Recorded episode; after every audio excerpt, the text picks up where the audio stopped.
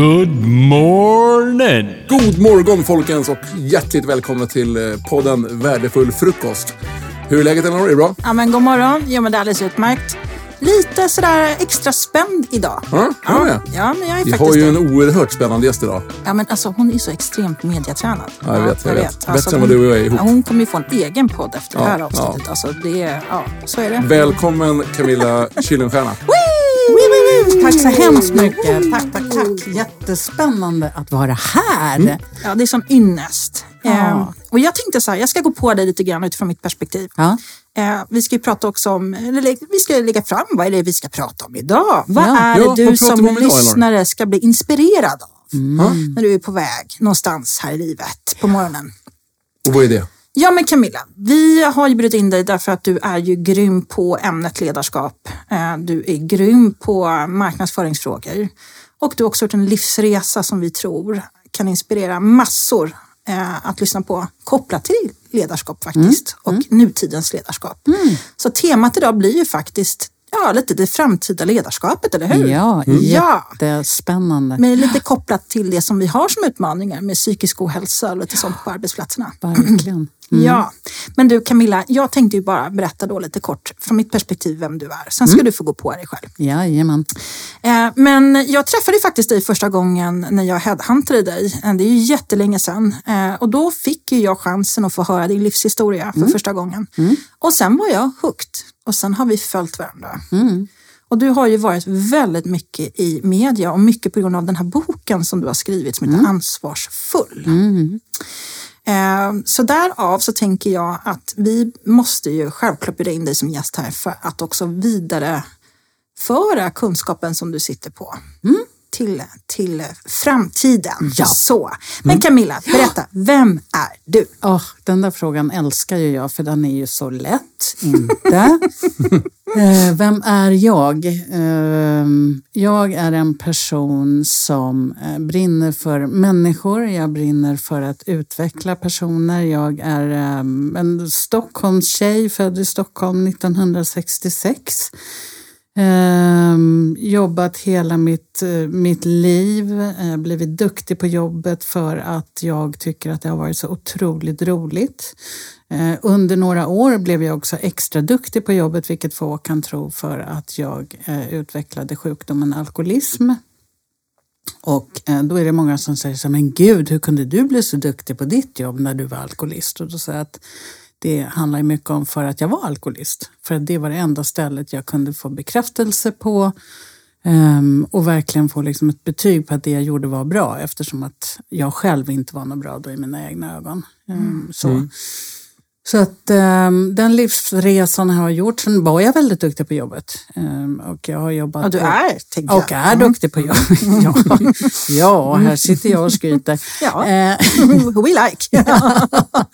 Eh, Men så jag har jobbat med kommunikation och marknadsföring och människor i hela mitt yrkesverksamma liv. Jag har jobbat i USA, Ryssland, Indien, Norden. eh, Så jag har haft eh, större grupper och personalansvar. Jag har haft inget personalansvar. Så. Eh, Men min, om man ska, min filosofi egentligen går ju ut på att happy people, happy business. Så. Just det. Ja. Och när vi började prata om det här, att spela in en podd tillsammans med dig, ehm, så direkt slängde du ut en krok och sa så här, jag vill prata om ledarskap och ditt erfa- din erfarenhet av ledarskap är kopplat till det ängsliga ledarskapet. Exakt. Och det här tycker jag är en sån intressant och relevant spaning. Superspännande. Så kan inte du bara berätta lite grann, vad, vad är det för någonting som du ser idag i dagens ledarskap kopplat till din erfarenhet av ledarskap? Man kan väl säga så här att jag, jag har ju varit bortskämd, Ehm, kan man väl uttrycka det som. Ehm, när jag började jobba många år eh, in i min, i min yrkesverksamma roll så har jag haft väldigt bra ledare omkring mig. Jag har haft väldigt bra chefer. Jag brukar skilja på chefer och ledare utifrån perspektivet att chefsmandatet får du ovanifrån ledarskapsmandatet får du underifrån. Från medarbetarna. Från medarbetarna, exakt. Eh, och eh, jag har alltid haft så bra chefer som har förstått det här med att ja, jag är chef, men jag behöver också vara en god ledare för att få med mig organisationen. Någonstans, min upplevelse är att sen 10, kanske år, 15 år tillbaka någonstans, så har det blivit eh, en stor klyfta emellan chefer, chefskap och ledarskap. Man har liksom tappat connection däremellan. Eh, därför att det är så oerhört många som vill bli chefer. Därför att det, det, fin, det ligger någon status i att vara chef. Eh, men man förstår heller inte ansvaret som man har som chef utifrån ett medarbetarperspektiv. Eh, och glömmer man bort det så får man inte med sig organisationen. Och eh, det i kombination med att man på något sätt vill bli chef utifrån ett eget perspektiv för att uppnå status. Man vill vara med och bestämma, man vill påverka. Eh, men, men man är, samtidigt så är man väldigt ängslig. Vad ska folk säga? Vågar jag säga det här? Jag säger det här i det forumet, men jag säger något annat i ett annat forum. Jag tänker inte ta ansvar för det som händer emellan.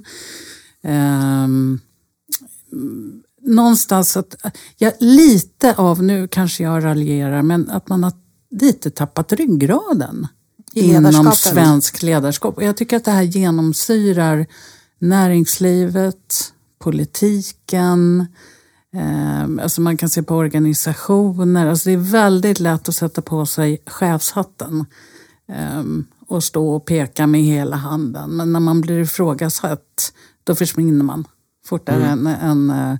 Eh, och då kommer ju de här som vi ser på tv hela tiden.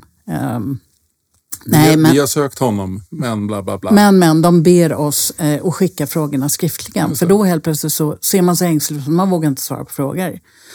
Eh, och likaså har jag upplevt eh, på en del arbetsplatser innan att eh, eh när det är personer som inte mår bra, någonting händer på arbetsplatsen. Så de här cheferna som så gärna eh, vill vara chefer, de försvinner också. Det är bara ett rökmoln kvar. Just eh, när man ska hantera det som, som jag personligen anser är viktigast på en arbetsplats, nämligen medarbetarna. Det vill man inte vara med om. För det, vad ska jag säga då? Tänk om den blir arg på alltså, Det finns en ängslighet mm. som jag inte känner igen från liksom, mina år. Men om vi backar tillbaka bandet lite grann ja. då. För jag tänker så här, vi måste ju någonstans bottna i vad du tycker är bra ledarskap och ja. chefskap då. För mm. du nämnde ju också att du har haft en del bra chefer. Mm. Men jag är intresserad av vad du tycker är, vad är bra? Vad är, liksom, vad är sunt?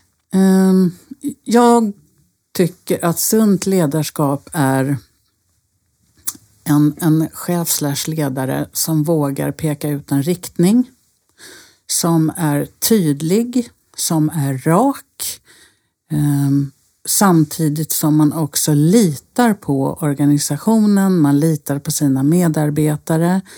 Eh, man ger sina medarbetare större ansvar än vad medarbetarna själva tror att de kan klara av samtidigt som man supporterar. För att har du eh, ett team där du utmanar dem och ser till så att de klarar utmaningen så växer de eh, alltså med rekordfart. Och, och, det är helt så fantastiskt att se. Men det är också någonting i det här som är det här ängsliga att man har tappat tilliten till varandra. Man har tappat tilliten till sina medarbetare. Och det skulle väl jag säga är en av de absolut liksom, viktigaste nycklarna i gott ledarskap. Att lita på dem du ska leda. Um, och också förstå att du behöver inte kunna allting de kan. Du har ju anställt dem för att de kan vissa kompetenser, eh, ganska många. Ehm, och inse att du kan inte kunna det och du ska inte kunna det därför att de ska vara bättre än vad du är. Men är det så att det var bättre förr? Är det det du sitter och säger egentligen? Att det var tydligare ledarskap förr då? Eller liksom på sådana Va, va, jag, tycker in, nej, jag tycker inte att det var bättre förr på det sättet. För att jag, eh, jag kan väl uppleva också att då var det väldigt sådär, eh, unga kunde ingenting. Mm. Seniorer kunde massor. Eh, alltså man var äldre. Den delen, där tyckte jag att man kom till korta. Jag tror att man missade väldigt mycket kompetens förr i tiden för att man delade in det på det sättet. Um, däremot så, så Eller inte däremot, men och det tycker jag idag är mycket mer spännande. Jag älskar att jobba med unga människor. Alltså jag tycker det är skithäftigt. Dels för att unga människor idag är mycket mer modiga och de vågar utmana mig. Varför gör du så här? Varför tänker du inte på det här sättet? Ja, det har du rätt i. Varför, varför göra så här för? Ehm, I kombination med att man också får hjälpa till, eller jag får hjälpa, hjälpa dem att växa. Eh, vilket är skithäftigt. Så att, nej, jag tycker inte att det var bättre förr. Ehm, Jag tycker, att, jag tycker att det är så synd att vi idag när vi har så stora möjligheter, vi kan så mycket, eh, alla de här ledarskapsutbildningarna, du och jag pratade om det förut. Alltså, vi har en sån extremt eh, djup kompetensbank och kunskap att gräva ur när det gäller ledarskap. Men jag tycker inte vi utnyttjar den för att det hovrar en slags ängslighet över Ja. alltihopa. Så. Innan vi börjar springa så, så börjar vi prata om ledarskapsutbildningarna som är lite same old, same old. Alltså, det- vi har UGL, vi har alla de här ledarskapsutbildningarna som är över tid inte förändras så mycket. Eh, och eh, när jag sitter på intervjuer och intervjuar chefer så är det alltid så här, man säger att man föredrar tillitsbaserat ledarskap, coachande ledarskap och så vidare. Men är det verkligen det framtiden behöver? Alltså jag, vad, vad behöver framtiden för ledarskap för att, liksom, för att vi ska kunna fånga upp den nya generationen som kommer? För vi har förändrats. Och håller de här ledarskapsutbildningarna måttet? Eller behöver vi kanske liksom, ja, revidera? Nu förväntar jag mig här att ni har svaret såklart. Ja, ja, och det har vi ju. Eller hur Niklas? Ja, varsågod. Ja, Ta ja. den du. Ja, ta, jag tar den bollen. Ehm, jag skulle vilja säga i, i ledarskap som i så mycket annat så tror jag att, um, att vi behöver bygga in en flexibilitet på ett sätt som inte har funnits förut. Många av de här ledarskapsutbildningarna eh, handlar ju om att så, så här leder man, så att säga. Ehm, jag tror att precis som omvärlden i övrigt så förändras saker och ting hela tiden. Människor förändras, behoven förändras. Eh, det är bara att se vad hände efter pandemin. Hur leder du människor som jobbar hemma? Ska de få jobba hemma? De jobbar inte hemma. Jo, det gör de ju. Oj då. Ehm, Alltså att- ett ledarskap som ledare behöver det så här, mera vara situationsbaserad skulle jag säga. Både i form av situationen, alltså var i affären är du, relativt vilken typ av person ska du leda som är i vilken typ av fas i sitt liv. Det är så många variabler som man behöver vara uppmärksam på. Ehm, skulle jag tro. Men hur, hur är det då? Vad ställer man för krav på framtidens ledare? För det jag hör är ju egentligen att du kan inte, om man ska fånga upp alla de här Ja. delarna, då kan man ju inte vara själv specialist kring dem. Alltså man kan ju inte själv vara nere med fingrarna i syltburken. Man kan ju, då är det bara ledare man Ja. är. Och det är vad jag tror. D- min person, det, det är definitivt vad jag tror. För att man hör ju mycket i rekryteringsbranschen. Ja, vi ska ha en person som har jobbat i den här branschen förr. Och jag är så här, varför då? Det, är inte, det är inte branschkompetens du eftersöker eller expertis, skills inom just det. Du söker ju en god ledare och det i sig är en kompetens eh, som inte är jättevanlig faktiskt. Ehm, så att det skulle jag definitivt säga. Men, men är det inte eh, balansen mellan att vara ledare och kanske ibland vara chef också? Det pratade vi Absolut. om i ett annat avsnitt eh, med Therese Branevig. Eh, hon eh, tyckte liksom att det var jätteviktigt att kunna vara chef också. Absolut. Eh, kanske till och med före. Och, och liksom att, eh, nej, inte före. Hon tyckte att det var jätteviktigt att kunna vara ledare också såklart. Men att, men att ba- balansen. Liksom, ja, eh, absolut. Jag, jag tänker, en stark ledare är ju en bra chef. Alltså, så, så tänker jag, det behöver inte vara det ena eller det andra. Eh, Men jag håller helt med om det. Eh, I det också att du som ledare och chef behöver våga ta, alltså, ta en inriktning, sätta inriktningen. Och som vi i Sverige kan jag uppleva är extremt dåliga på, ställa krav.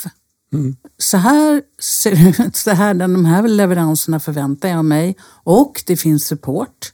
Och eh, jag kan hjälpa dig att, vad det nu är för någonting. Men överlag så kan man väl säga att också det här ängsliga ledarskapet att det blir och och som och du kanske vill och du behöver inte. Men eventuellt om du skulle ha lust och nej men kände inte Och det skapar en otrygghet i organisationer där man inte vet. Vad är det som förväntas av mig? Vad är det jag ska göra för någonting?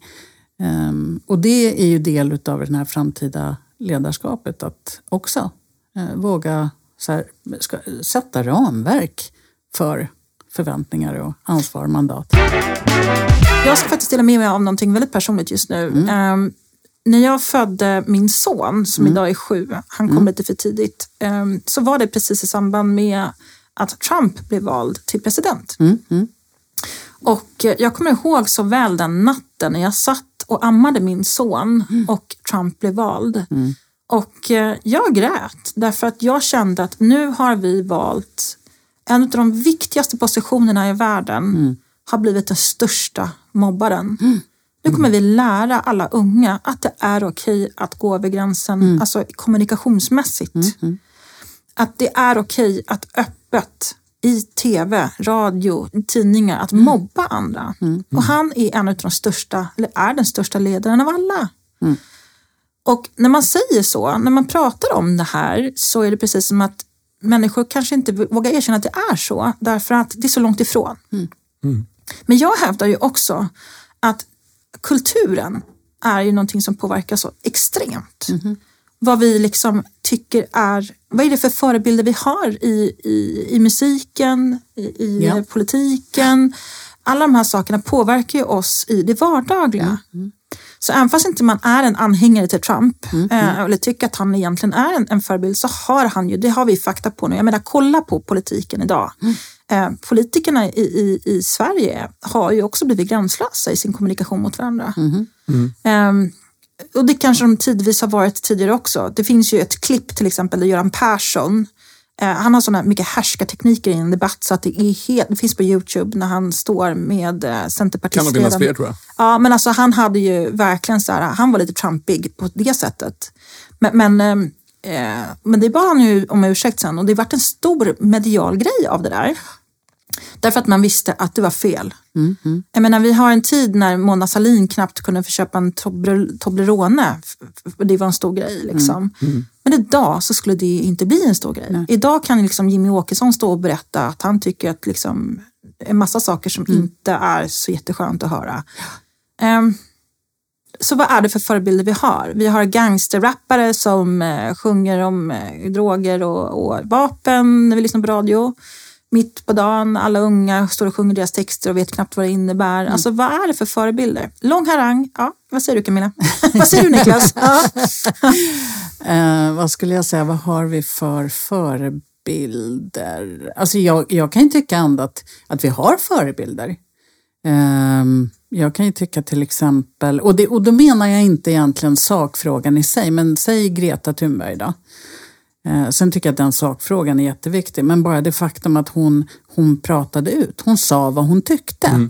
Därför att många pratar, det, det, är liksom, det pratas mycket, va? munnen går.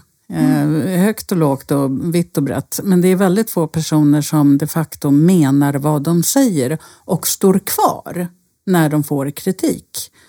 Så vad skulle jag säga för... För det gör ju inte Trump. Ibland gör han ju det. Står han ju kvar. Hans, ja. Och ibland så duckar han ju och säger att det är, är Men han säger vad som falskt. helst. Ja. Ja. Ja, ja, Men det är ju gångbart. Mm. Ja, men och det är det som är så Ja, läskigt. Ja. Han är ju, alltså, ju, i min syn, som också satt och grät när han, när han valdes, men han per se är ju mindre farlig än de som röstar på honom. Alltså, för, och det är ju den dynamiken som man, och som också händer här nu. Eh, att man gör något litet som blir stort och sen gör man någonting stort i många fall som inte kommer upp överhuvudtaget. Varför då? Därför att det är andra krafter som styr bakom kulisserna som handlar om makt och pengar. Och, ehm, men jag kan inte komma på någon förebild. Jag kan inte säga, jag, jag kommer inte på någon. Som du har. Nej, jag- kan tycka att, att, eh, nu kommer jag tyvärr inte ihåg vad han heter, men det är en Nelson Mandela. Nej, eller jo, menar jag. Självklart. Nej, men, Men det jag tänker honom till... du tänkte på? Nej. Ja, precis. Men jag tänker på en ung modig kvinna som jag såg på tv som heter Faiza Idle, tror jag, som har skrivit en bok som heter Ett ord för blod. Har jag Va? Vem är det? heter. Ja. Eh, en tjej som beskriver vardagen för hur det är att vara syster, mamma, släkting eh, och växa upp i den här miljön just nu ute i de utsatta områdena. Eh, att hon kliver upp ung, eh, hon är inte författare, nu är hon det. Eh, det är en förebild för mig. Fan vad tufft. Hon bara så här, nu ska ni få höra hur det är på riktigt. Så. Eh, där hon till och med, jag såg en i intervjun där, där hon sa att jag vet att jag kommer få mång, många frågor ifrån liksom, min miljö också där folk kommer att fråga, men du, du har väl inte blivit skjuten? Nej, men jag kan berätta hur det är att leva i den här miljön. Och ha bröder och papper och farbröder att, som är utsatta eller som är utsätter. Det tyckte jag var skittufft. Alltså, så mina förebilder det är människor som vågar, som ställer sig upp, som säger vad de tycker och inte backar ner. För mig. Men Camilla, du är ju en utav de personerna. Ja. Nu vart det Nu, nu, jag tror vi ska döpa det här avsnittet till Fuck Jante. Ja, det kan vi gärna göra. Eh, Nej, men alltså för att jag tänker ju så här. Eh, du har ju verkligen varit en person som har suttit i media och delat med dig av precis det som du pratar om att den här tjejen har gjort. Fast din livshistoria. Hur det är att växa upp med en viss miljö. Liksom, sådär. Eh, och, och det tror jag är en jätteviktig förebild just för att liksom idag är det ju väldigt mycket psykisk ohälsa på arbetsplatserna. Men för tio år sedan så var det inte många som vågade berätta om det. Men det gjorde du. Kan inte du dela med dig lite av det? Liksom vad du har delat med dig av i media framförallt. Du har suttit mycket i tv-soffan och varit mycket i tidningar och din bok framförallt som det gick ju väldigt bra för. Ja, tack. Um, jo, men eh, alltså, en kort, en lång historia kort då. Uh, uppvuxen till två alkoholiserade föräldrar, um, extremt många alkoholister i familjen. Bodde på fosterhem när jag var liten, min mamma dog, brann upp när jag var 14. Uh, ehm, Ja, jadi jadi. Um, ehm, och när jag blev typ 18, då bodde jag med min pappa bara så började ju jag också festa och dricka. Och så är det ju i, i, i familjer som, alltså det går ju i generna, det går i arv eh, och kultur. Så fäste ju alkohol på mig något så vansinnigt bra. Ehm, så att, och jag blev också väldigt, eller blev, väldigt rolig till en början. Alltså otroligt kul. Skulle man ha, ha roligt så skulle man ringa kylen för att hon hängde med på allting. Så att det här blev ju min identitet och var rolig och mm, mm, mm, populär också återigen. Eh, Som handlar, hamnar, eller handlar om att jag, att jag hade ju någon slags skam och skuld för att jag var uppvuxen till mamma alkoholist och pappa alkoholist. och- Så att då tog jag ut det på att få bekräftelse utifrån. Eh, sen ja, växte upp i det här, eh, flyttar hemifrån, fortsätter festa, jobbar. Och då upptäcker jag ju såklart att, inte medvetet, men jag inser ju att om jag gör ett bra jobb så får jag bekräftelse på jobbet också. Eh, därav det jag pratade om från början, att jag var väldigt duktig på jobbet. Eh, och sen... ju Så det var bekräftelsen du var ute efter även när du drack? Alltså att vara Absolut. kul, att vara duktig, Absolut. allt det här. Allt handlade om att, att vem är jag? Alltså mitt värde var ju under, fram till att jag slutade dricka, var ju vad jag gjorde och inte vem jag var. Som, om jag gjorde folk glada eller om jag eh, gjorde bra på jobbet eller jag gjorde en fin insats, då dög jag. Men att bara vara jag, det var ju inte så bra. Så, Men, men kände du så även i unga år? Om den där eh, 20-åriga kylan? Ja, absolut. Ja. Ja. Ja, Nej, för det var ju alltid mätt ut efter att, och det, men det blir ju också så med barn till alkoholister att min uppgift var ju att göra.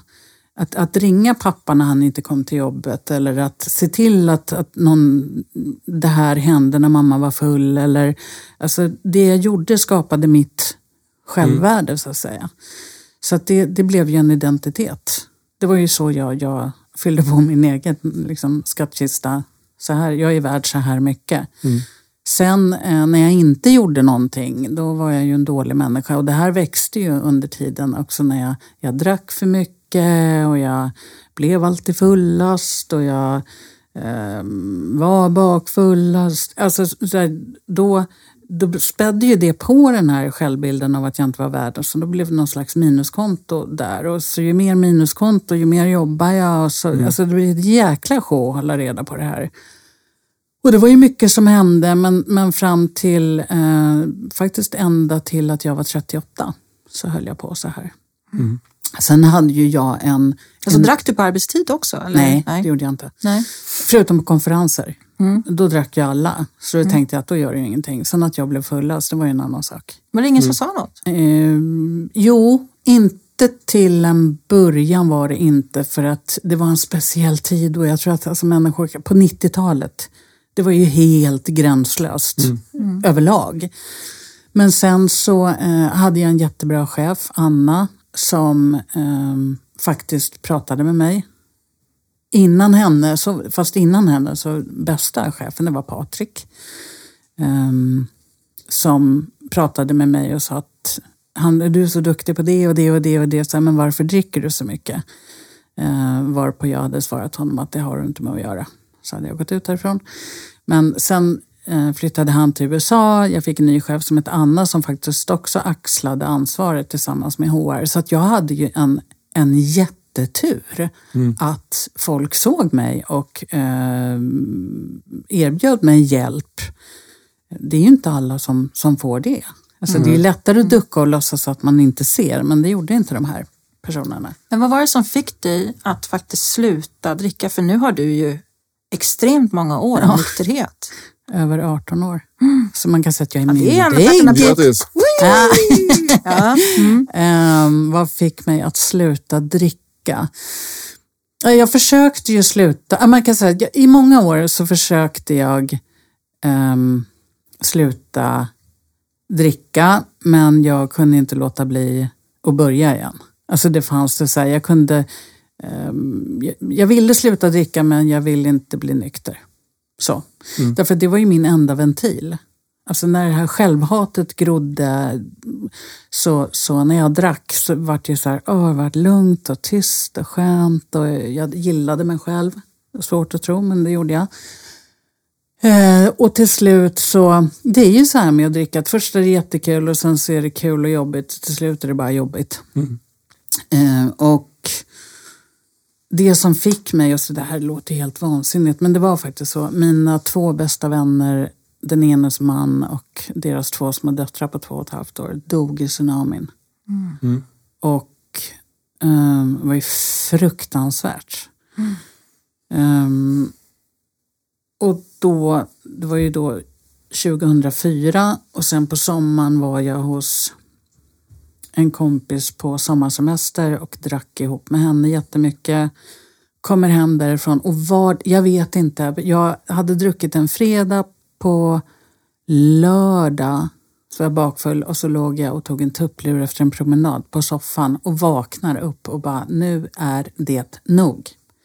För någonstans så, så, så kände jag att de här små flickorna på två och ett halvt år som dör i tsunamin hade ju velat leva med någonting annat. Medan jag går omkring och bara mer eller mindre ger fingret åt livet. Och så tänker jag, shame on you. Att göra på det här sättet. Och någonstans där så bara, nej, nu är det nog. Nu är det nog.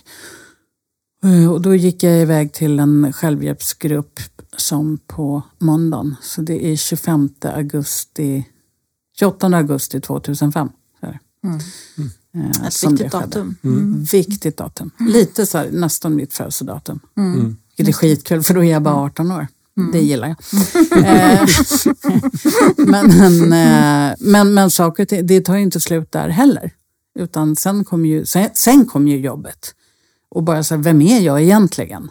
Eh, Helt att stå allting i, liksom, i det här självhatet som fanns. Och vem är jag som människa och vad tycker jag om? Och är jag så där otroligt rolig som gör vad som helst?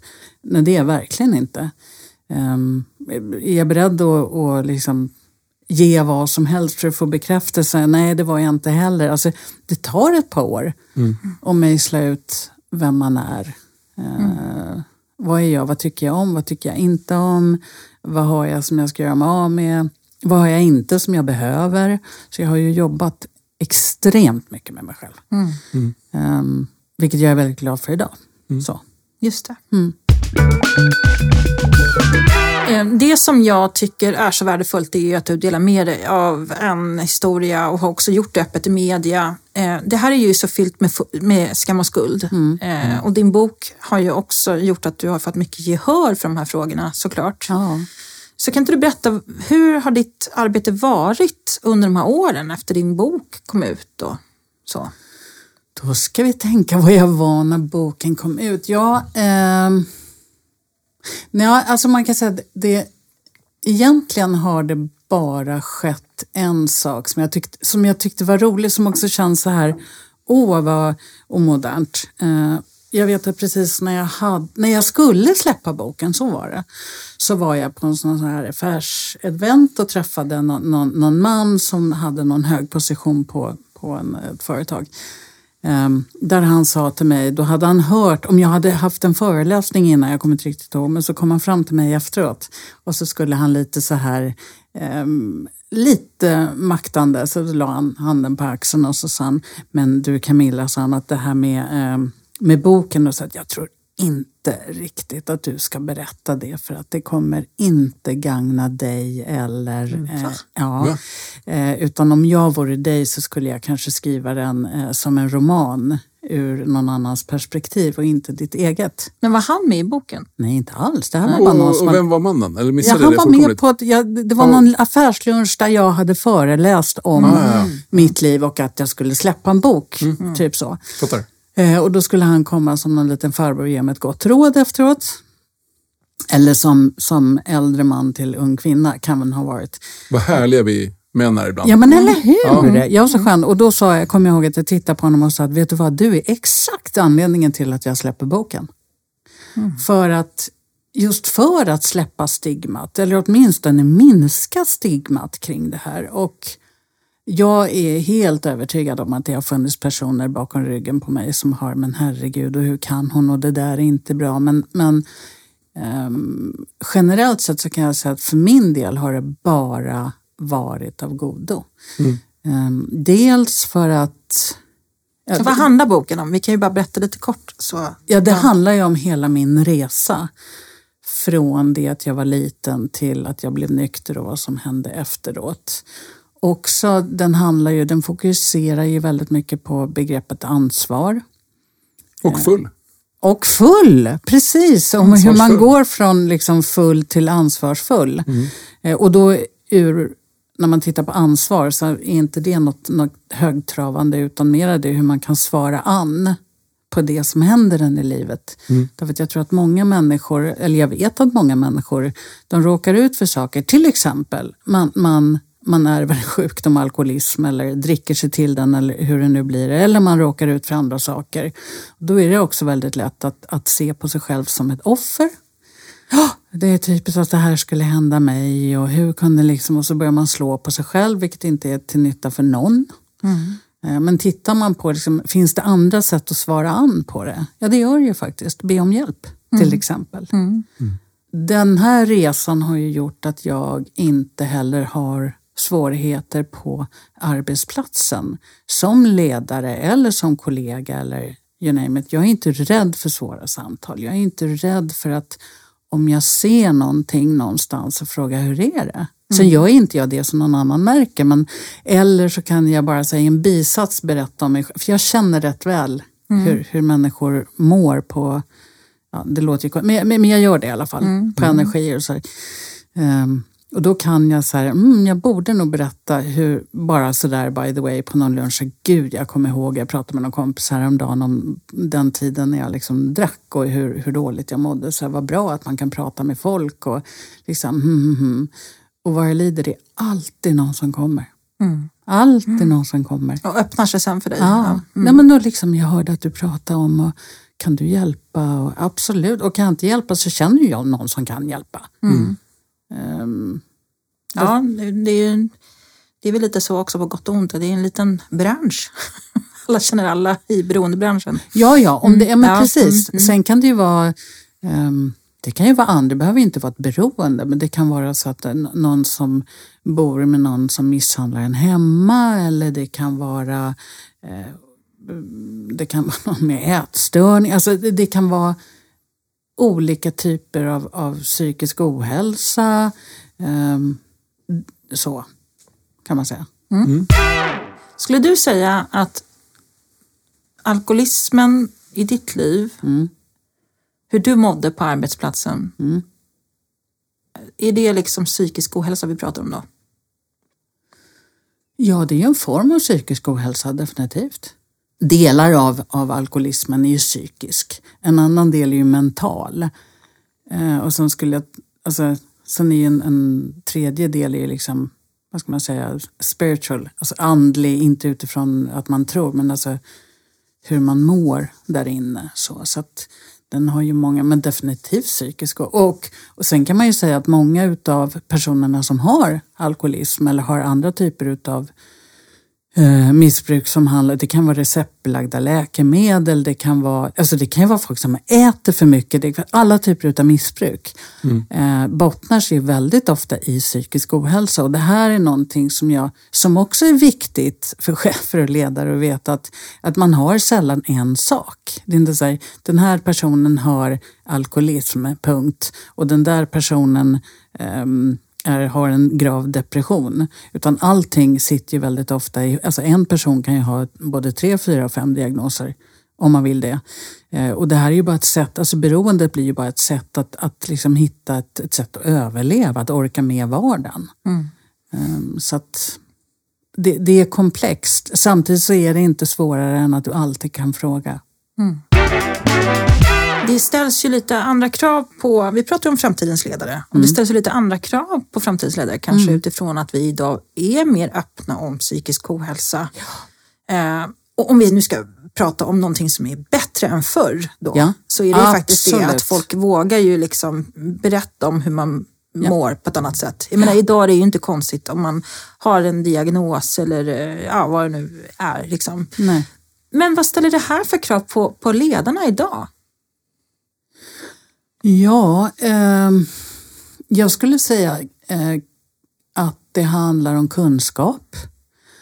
Att, eh, så här, okej, vad kan hända? Vad, vad, vad kan personer i min omgivning och på min avdelning eller i min närhet vara drabbade av? Om de är det, vad, vad kan jag göra som ledare för att se till att de får rätt hjälp? Ehm, Därför att det är också en missuppfattning och, och anledningen till att många chefer och ledare inte vågar ingripa. Eh, Därför att de tror att de ska gå in och som någon slags bödel eller domare och, och berätta du har det här och du har... Det är inte chefens eller ledarens roll utan man kan säga att jag, jag har uppmärksammat att det finns någonting här som jag skulle vilja hjälpa dig med och supportera dig med. Ehm, och jag ska se till så att du får, men, men du, har inget, du har inget ansvar som ledare. Att, alltså det är inte så, så att du ska ta med dig medarbetaren hem, det är inte det vi pratar om. Nej. Utan att, att så här, jag, jag ringer HR och ser till att har vi någonting för det här, bla bla bla. Så. Ehm, så kunskap kring, och det skulle jag också säga att som chef och ledare kan man, tycker jag man skulle, i de här ledarskapsutbildningarna som vi pratar om, kan man addera på ett block där eh, som handlar om just det här. Därför att det blir vanligare och vanligare och jag tror att det kommer bli så oändligt mycket vanligare. När man också tittar hur våra, våra ungdomar som mår inte så bra, många utav dem. Tänk, tänkte precis på det när du sa det. Alltså det, det är, när vi pratade om förut, med, med vad kommer framtidens ledare behöva ha som vi inte kanske behöver lika mycket idag eller Ja. haft tidigare. Liksom. Ja. Det är, addera till det där till utbildningarna, ja. Jajamän. Absolut. Viktigt. För att veta Jätte- hur man ska hur man ska bete sig som Ja. ledare. Ja. Eh, att man inte ska råka ta med sig någon hem och försöka Ja. laga och fixa någon. Nej. Man har inte ansvaret. Nej, absolut. Men, Och- men om man kan vara medmänsklig och, bara uppmärksamma att hej, jag har sett något. Mm. Hur mår du? Exakt. Sen tror jag också att, att eh, mycket som att man behöver uppmuntra alla kollegorna. Ponera nu att, att man är chefledare så behöver man också utbilda gruppen i att om du ser en, om jag inte ser, jag menar, det är inte alla gånger chefen eller ledaren, det kan ju vara en person som har många hundra personer under sig. Ser inte jag någonting så är det ändå okej att du som kollega gör någonting. Det handlar inte om att tjalla, det handlar inte om att hänga ut, det handlar om att hjälpa till. Men det är svårt. Alltså man vill ju Ja. inte eh, man vill ju inte heller bara anta att någon har ett problem. Nej. Eh, utan man vill ju vara säker på sin sak. Och även fast man är säker på sin sak så kanske man inte heller vill outa någon. Nej, nej. Så. Ehm, nej, och det, som sagt var, det är svårt. Eh, det ena är att man kan, alltså jag tänker så här, om jag ser någon som jag upple min upplevelse är att den här personen inte mår bra. Så kan man säga att jag, känner, jag får någon känsla av att, att det är någonting i ditt liv som kanske, jag finns här för dig. Och då kanske personen säger, det finns ingenting med mig som har är knasigt. Nej men då har jag uppfattat fel. För det är okej att ha fel. Eh, Det andra är att om man ser en person som, som vi kan hitta på, ehm, som jag då när jag var alkoholist på jobbet eh, och mina kollegor såg det här. Eh, nu vet jag inte om någon gjorde det, men det är jag övertygad om. Gick till min chef kanske och sa att det här var inte bra. Det är klart att jag då och där hade tyckt att de outade mig, att de var elaka mot mig. Men i realiteten handlar det inte om det. De var ju med och räddade livet på mig. Så man måste också sätta saker och ting i perspektiv. Ja, det är möjligt att, att din kollega blir skitförbannad för att du skvallrar. Men å andra sidan handlar det ju om att det är ju ingenting som man gör för att vara elak. Men det är väl lite så här mind your own business. Folk, Absolut. Vi pratade om det kring ledarskapet också. Ingen har stake nog att stå upp och säga att ta ansvar för det som man har sagt en gång att man ska ta ansvar för. nej. När det väl blir blå- blåsväder så står man ju inte kvar. Det kanske är samma sak här, att man vill inte man kanske tror att om jag nu visar att jag bryr mig om min kollega, ja. då måste jag också fortsätta och hålla den här personen i- handen. Ja. Och, och nu, nu blev jag en del av problemet och det är ju kanske det man vill undvika då. Men, och det är precis det här som man behöver tydliggöra att nej, det blir du inte. Lika mycket som en chef, eh, ledare. Du har, bara, du har gått till en chef och sagt att, nu hittar jag på, Britta ser ut att inte må bra, kan hon hjälpa Britta? Det betyder inte att du behöver ta med Britta hem. Eller att hon helt plötsligt ska sitta vid ditt skrivbord bredvid dig hela dagarna. Utan du har bara liksom, Men då gäller det ju att man själv sätter gränser. Absolut. Men det här är ju också någonting, apropå det, när det gäller ledars, alltså ledarskapsutbildningar och sånt där. Hur lär man sig själv att sätta gränser? Hur lär man sina teammedlemmar att sätta gränser? Det här är ju det som, är, som jag i alla fall ser som ledarskap. Jag kan tänka mig att det är många chefer som också kan eh, tycka att det blir ännu svårare.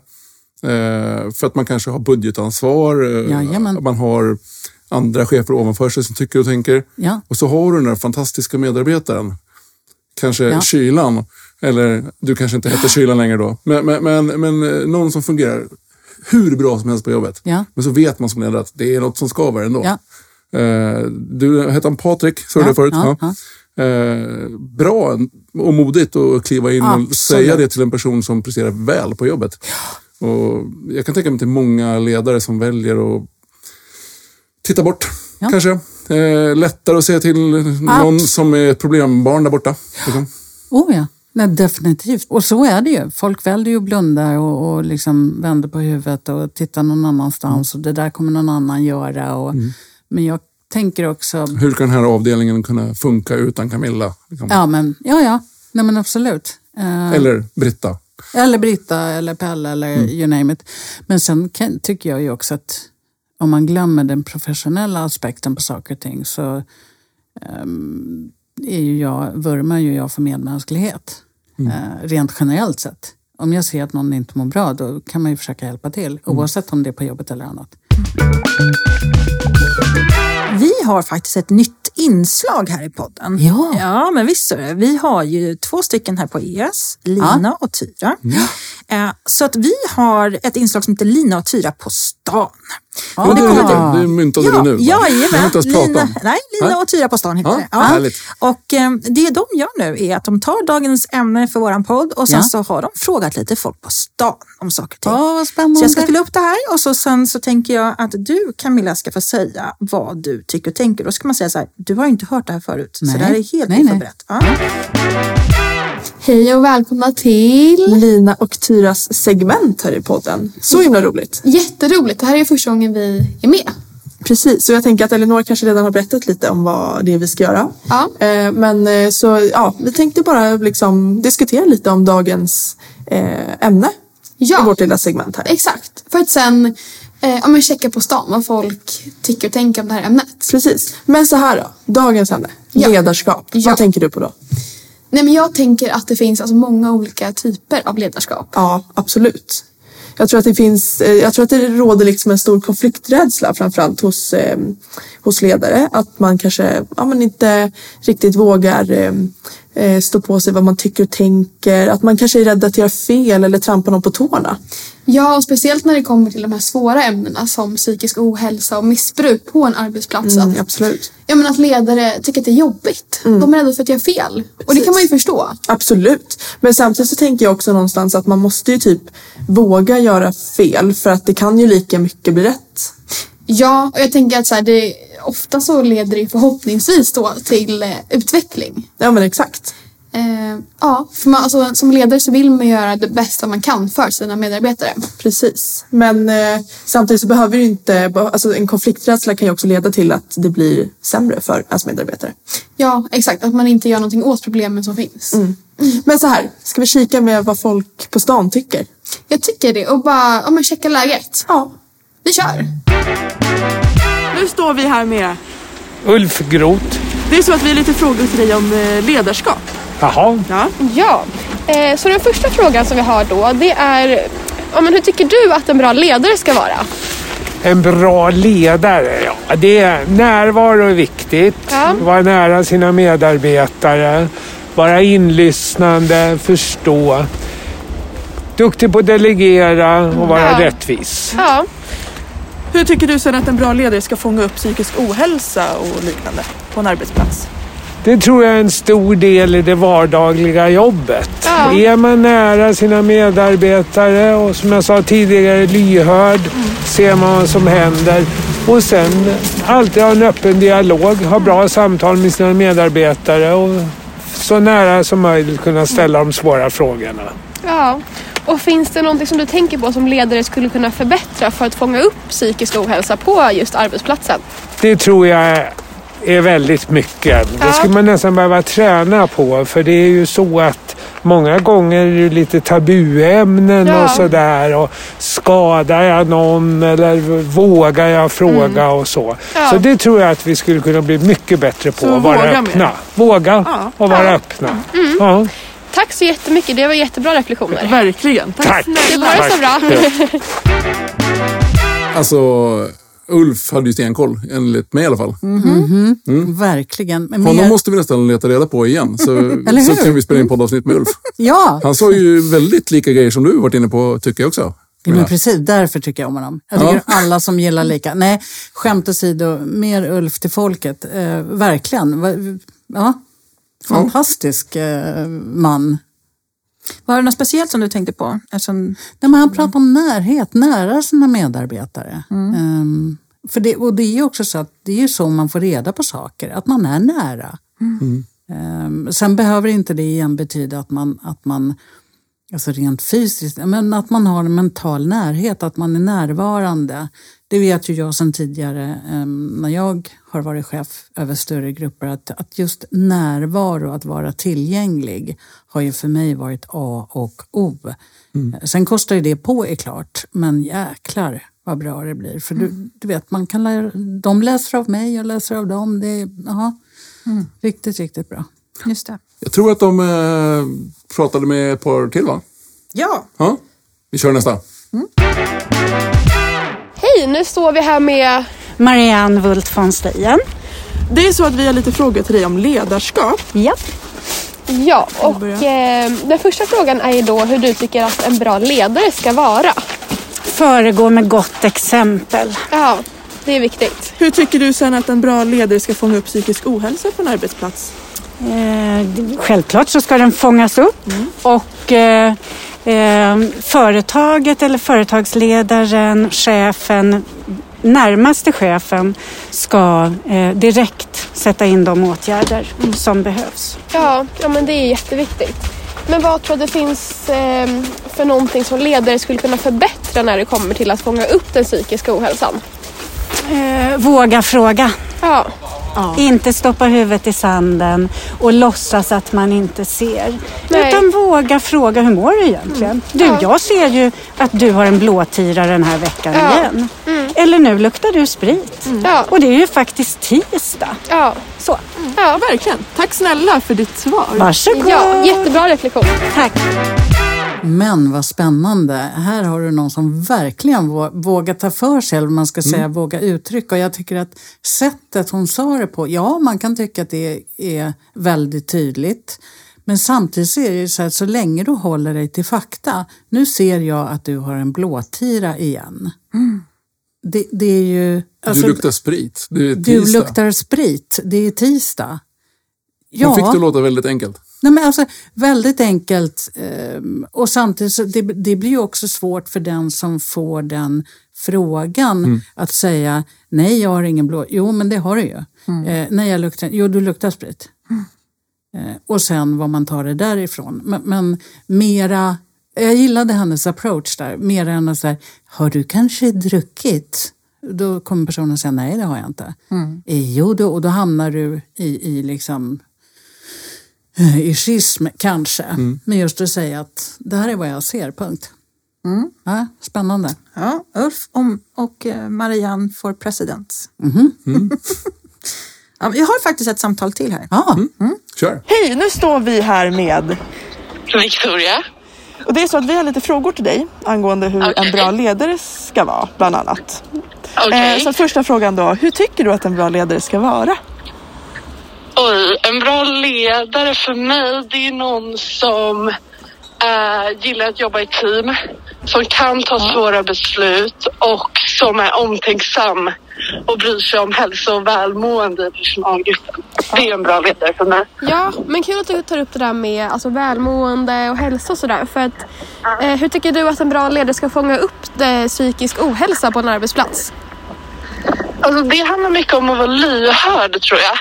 Att man faktiskt fokuserar på relationerna i gruppen. Att man ser alla i gruppen för då tror jag det blir enklare att se det som är udda liksom.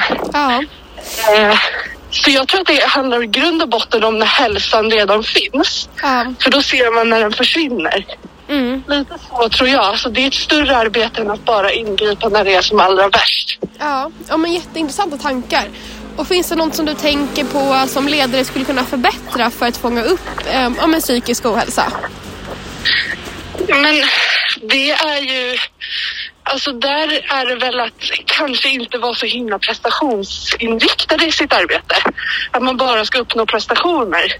För då är det väldigt lätt att bara se vad man måste göra och så glömmer man ganska lätt att man arbetar med människor. Ja, Eh, och att inte hela tiden bara trycka på utan ibland stanna upp och bara okej men hur mår vi? Och vi kanske har jättebra prestationer men vi har en grupp som mår jättedåligt. ja. Och jättetack för att vi fick ställa de här frågorna till dig. Tack Det snälla. var jättekul att ni ville fråga.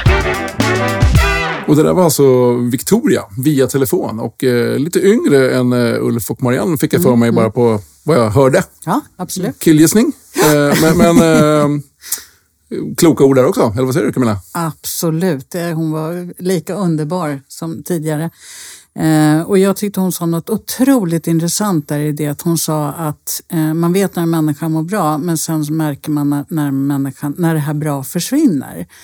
Och det brukar jag också säga när folk säger men hur ska jag veta om en människa inte mår bra eller har ett beroende eller något sånt där. Eh, och det finns faktiskt eh, att gå på magkänslan och många är ju sådär, men magkänsla kan man inte gå på. Ja men man kan det. Därför att det vi kallar för magkänsla det är ju en intuition och intuitionen bygger ju på, det är liksom en erfarenhetsbank ifrån tidigare kunskap kring en person. Vad har man sett, vad har man hört, vad man, liksom, hur den personen brukar uppträda. Och när den personens konturer kan man säga blir luddiga, att de börjar säga saker de inte eller börjar uppträda eller dra sig tillbaka. Det är någonting med den här personen som helt plötsligt börjar bete sig annorlunda. Känner man det, då kan man nästan vara helt säker på att det är någonting som pågår. Sen behöver det inte vara, det kan vara en skilsmässa.